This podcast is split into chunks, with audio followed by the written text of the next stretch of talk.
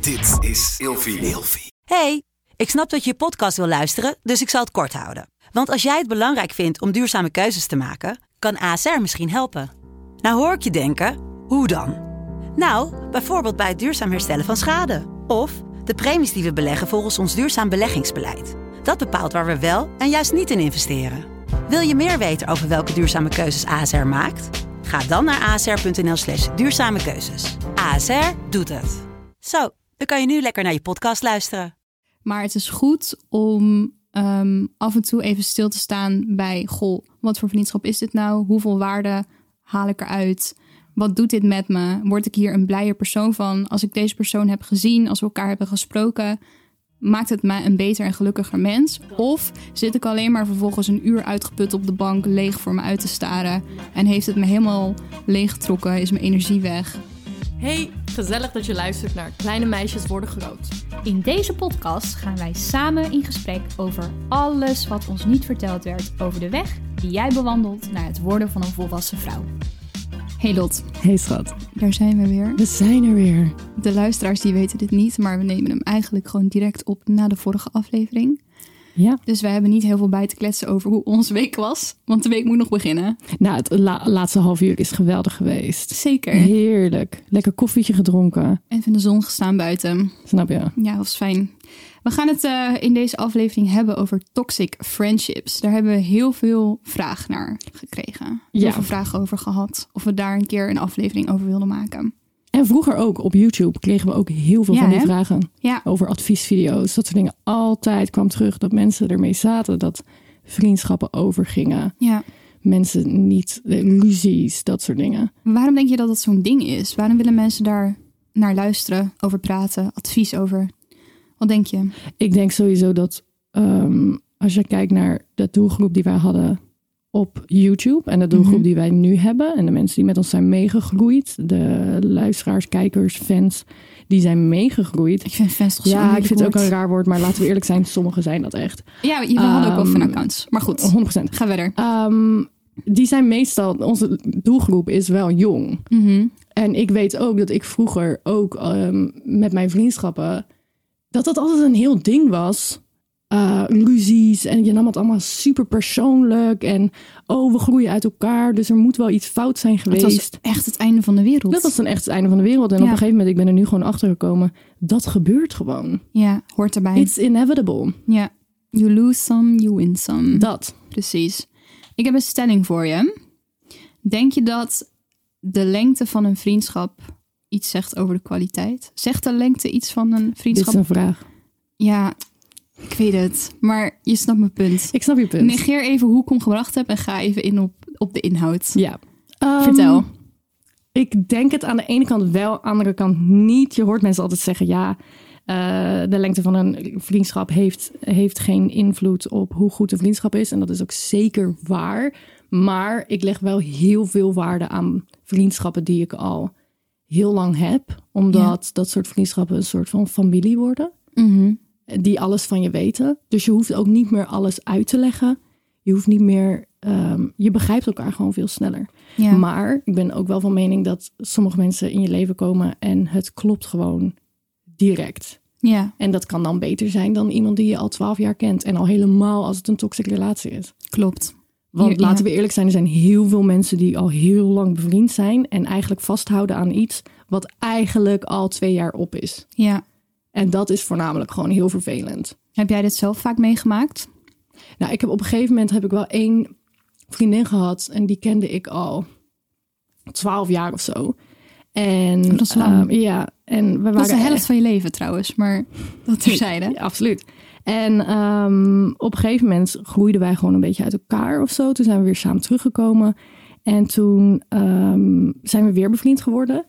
Maar het was gewoon niet meer zoals vroeger. En ik was me heel erg aan het vasthouden van... oh, maar ik wil zo graag dat het weer wordt zoals vroeger. Maar we waren gewoon veranderd. Ja. We waren gewoon niet meer dezelfde personen. Zij was heel burgerlijk geworden. Eh, We groeiden gewoon uit elkaar met de dingen die we leuk vonden om te doen. Ja, sorry, ik ben gewoon niet de vriendin die gaat high teaen met een groep meiden.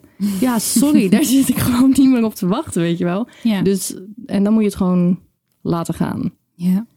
Niet trekken aan het doodpaard. Nee. Dat vooral. Wanneer kom je dan op het punt dat je voor jezelf zoiets hebt van het is goed? Wanneer bereik je dat punt? Ja, mensen, die, die laten, mensen zijn te lang dingen aan het uitmelken. Ja, Echt. ja. Echt. Heb je het ook wel eens gehad dat jij al op dat punt was gekomen dat je dacht het is goed, maar dat de ander het totaal niet door had en dat je ook Ja. echt niet weet. Het mooiste, ja, het mooiste met een toxic friendship, als, als er iets moois aan is, is dat je het gewoon een soort van uit kan laten veden. Je kan het gewoon rustig Ghosting. Nou ja, je kan het laten verwateren. En als de ander er hetzelfde over nadenkt, dan kan dat op een hele fijne, natuurlijke manier gaan, totdat je eigenlijk niet meer in elkaars leven aanwezig bent. Ja. Dat is eigenlijk zeg maar de ideale uitkomst. Ja, en dat je elkaar ziet en dan is het, hey, hoe is Precies. het? Eh, En dat het dan nog gewoon oké is voor even twee minuten en daarna ga je weer verder met je leven. ja. Maar dat is eigenlijk 9 van de 10 keer niet wat er gebeurt. heb jij een verhaal hierover? Want Oh, ik heb genoeg verhalen. Ter voorbereiding van deze podcast moest ik echt ook selectief, best erg, selectief zijn van ja, maar ik heb ook het idee vertellen? dat jij heel vaak dat soort geouwe hoer hebt met mensen. Ik heb echt.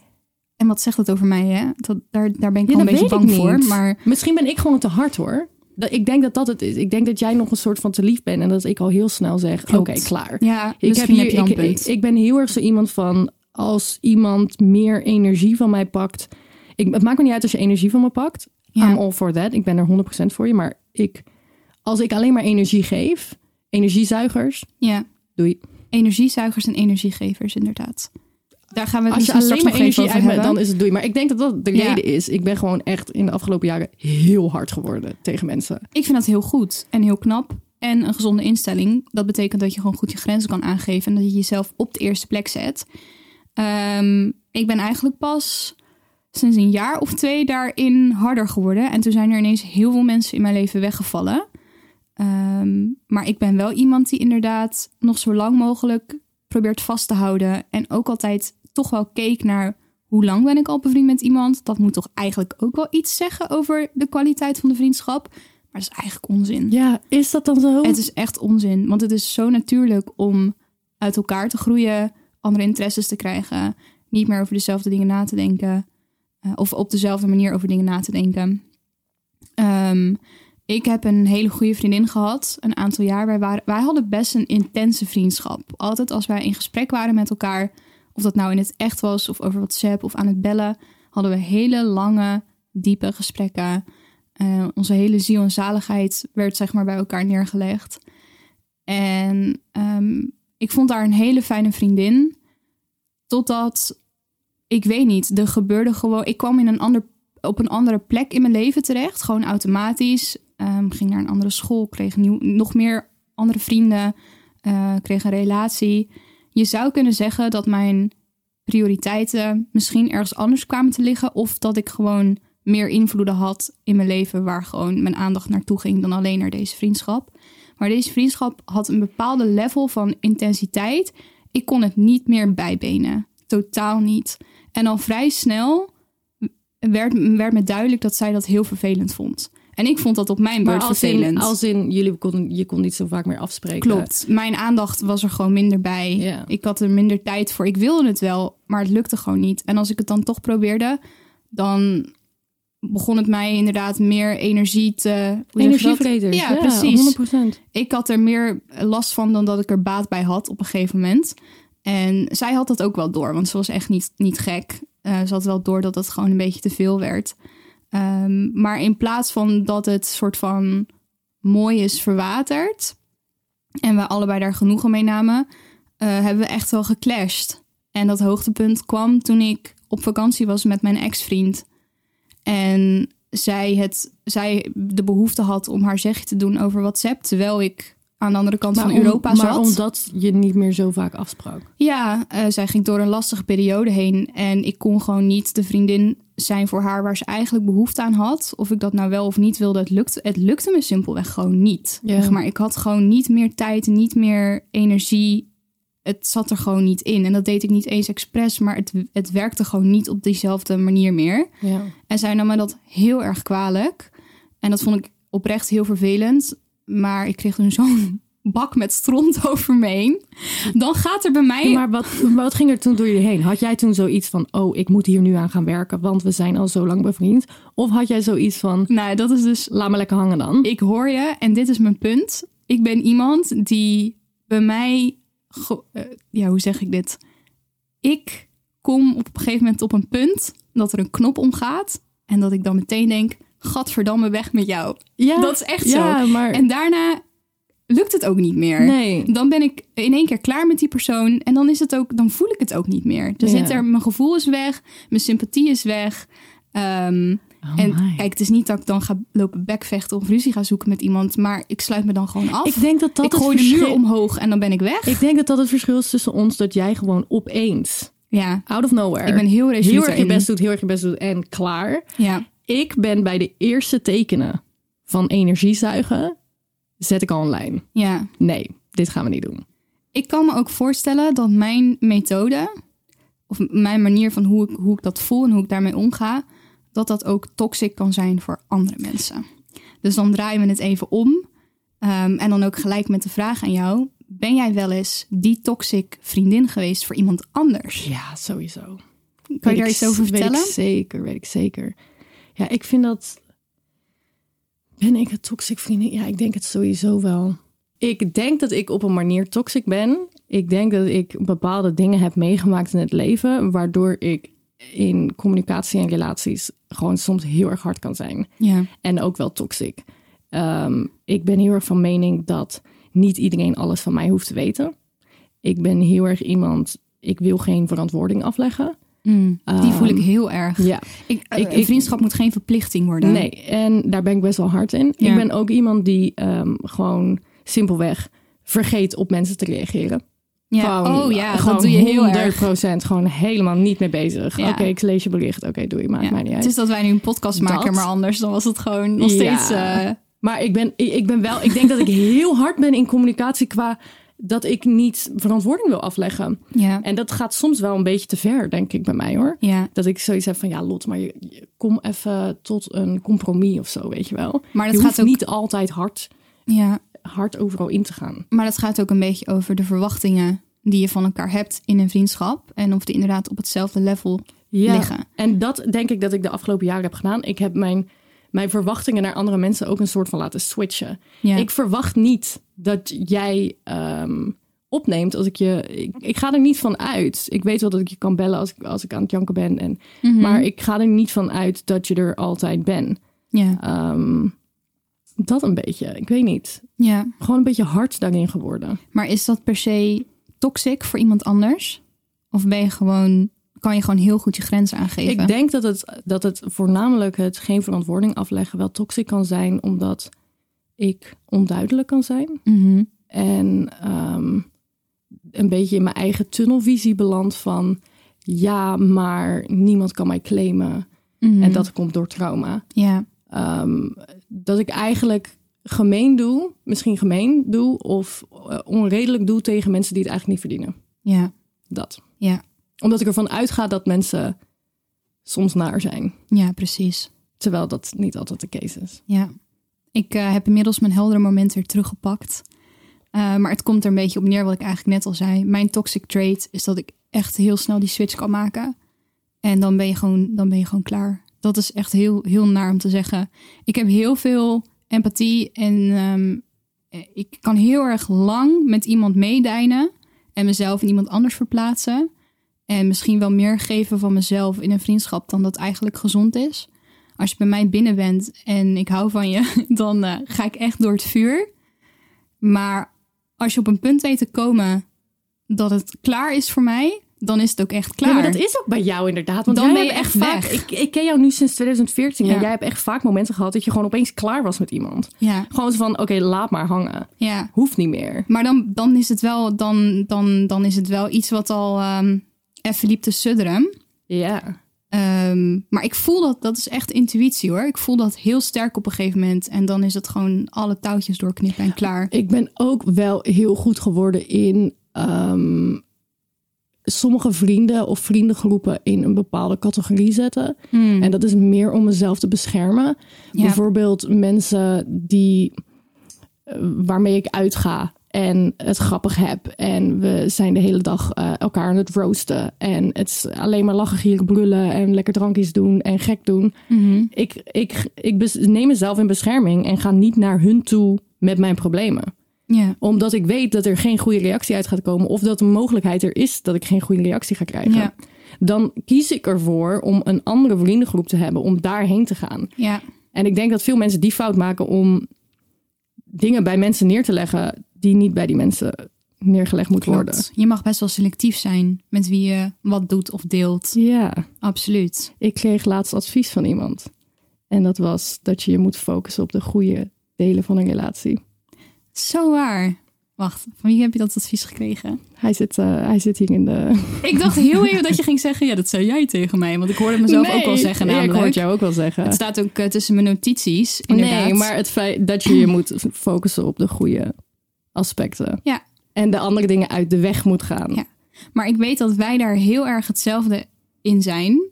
Is dat wij heel veel energie krijgen van mensen die ons motiveren, inspireren, op sleeptouw meenemen, die zelf ambitie hebben. Ja. Daar gaan wij helemaal van aanstaan. Ik zoek dat in een relatie, ik zoek dat in vriendschappen. En hoe hard het ook klinkt, als wij elkaar niet omhoog helpen, sorry, maar dan wordt you, het you niet. gotta hype me up. Ik Ja, moet jou ophypen. Precies. Ik wil net zo blij zijn voor jouw succes. Ik wil dat we net zo blij zijn voor elkaars succes. Ja, En niet die petty, dat petty gedoe van... oh, maar ja, precies. ik wou dat ook. Ja, nee, ik voel daar ook helemaal niks voor. En het eh, maakt me dan ook helemaal niet uit of jouw interesses of jouw carrière lijnrecht tegenover die van mij staan.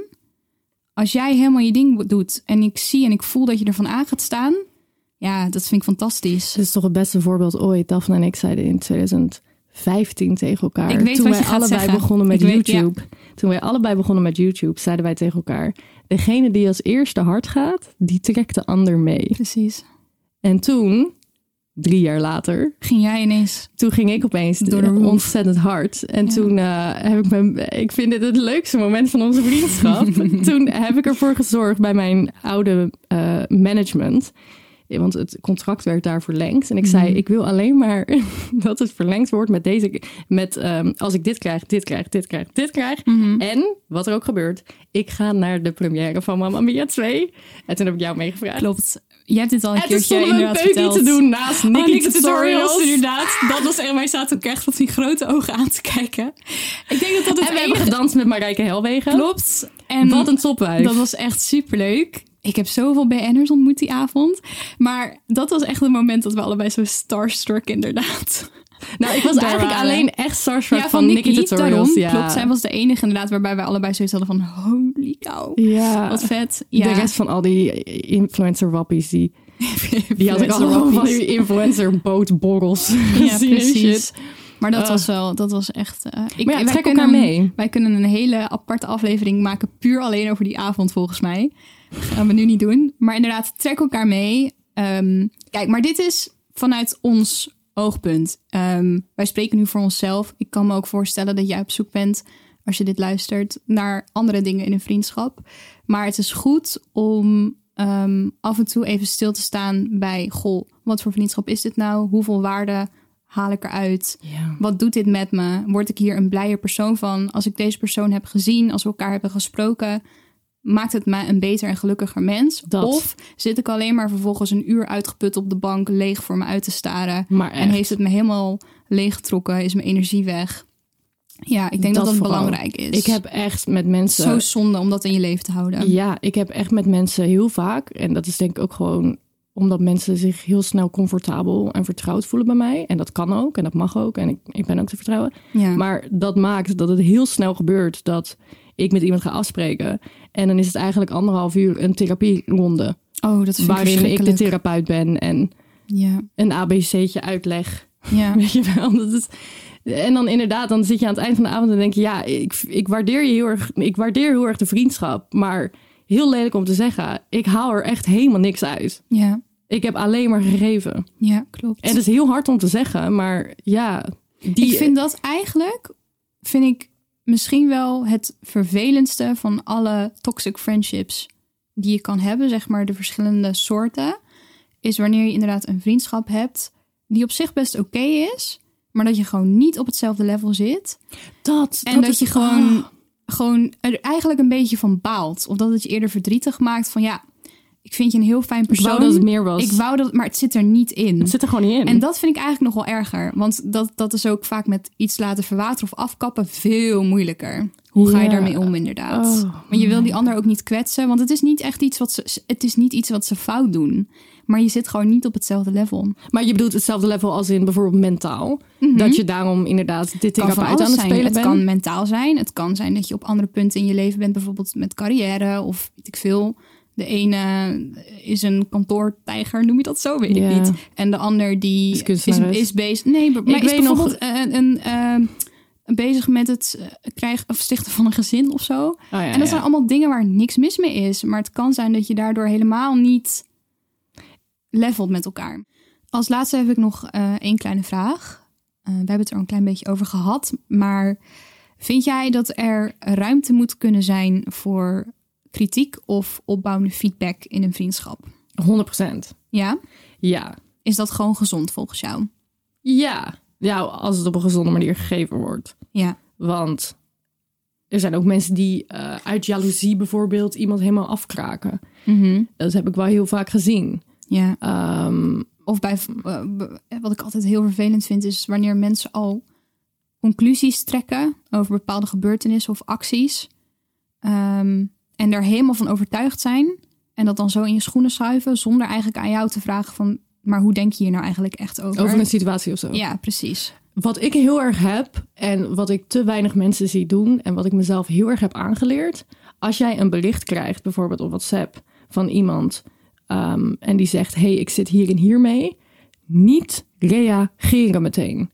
Je Sowieso moet niet niet via WhatsApp. meteen. Nee, maar nee, WhatsApp is oké. Nou, maar mensen, mensen, het ding is, je verstuurt iets en ik zie meteen ze zijn aan het typen. Stop daarmee. Hmm. Ja. Niet meteen reageren in, in the heat of the moment. Ga naar je notepad. Schrijf daar daaruit uit. wat je wil doen. Sowieso. Ga ja. weer terug naar het bericht, lees het nog een keer. Schrijf weer uit wat je wil doen. En Ja. als je daarna zegt, hey, laten we in gesprek gaan. Ja. Schrijf een paar punten op.